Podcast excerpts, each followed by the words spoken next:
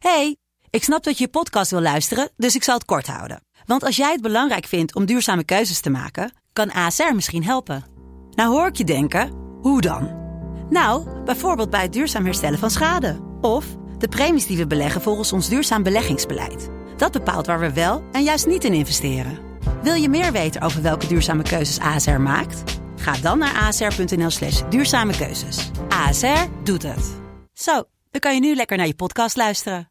Hey, ik snap dat je je podcast wil luisteren, dus ik zal het kort houden. Want als jij het belangrijk vindt om duurzame keuzes te maken, kan ASR misschien helpen. Nou hoor ik je denken, hoe dan? Nou, bijvoorbeeld bij het duurzaam herstellen van schade. Of de premies die we beleggen volgens ons duurzaam beleggingsbeleid. Dat bepaalt waar we wel en juist niet in investeren. Wil je meer weten over welke duurzame keuzes ASR maakt? Ga dan naar asr.nl slash duurzame keuzes. ASR doet het. Zo, dan kan je nu lekker naar je podcast luisteren. Dit is Mand, kortste podcast van Nederland. We gaan het vandaag hebben over mensen die klagen. Ja. En niet zomaar klagen, maar bijvoorbeeld klagen dat ze de hele fucking afwasmachine hebben ingeruimd of uitgeruimd. Zo van, ja, ik heb de hele afwasmachine uitgeruimd. Ja, Ja. dus? Daar heb je een machine. Moet hij het zelf ook nog eens een keer in de kast leggen? Dat kan niet. Dat kan niet. Nee. Dit was Mand.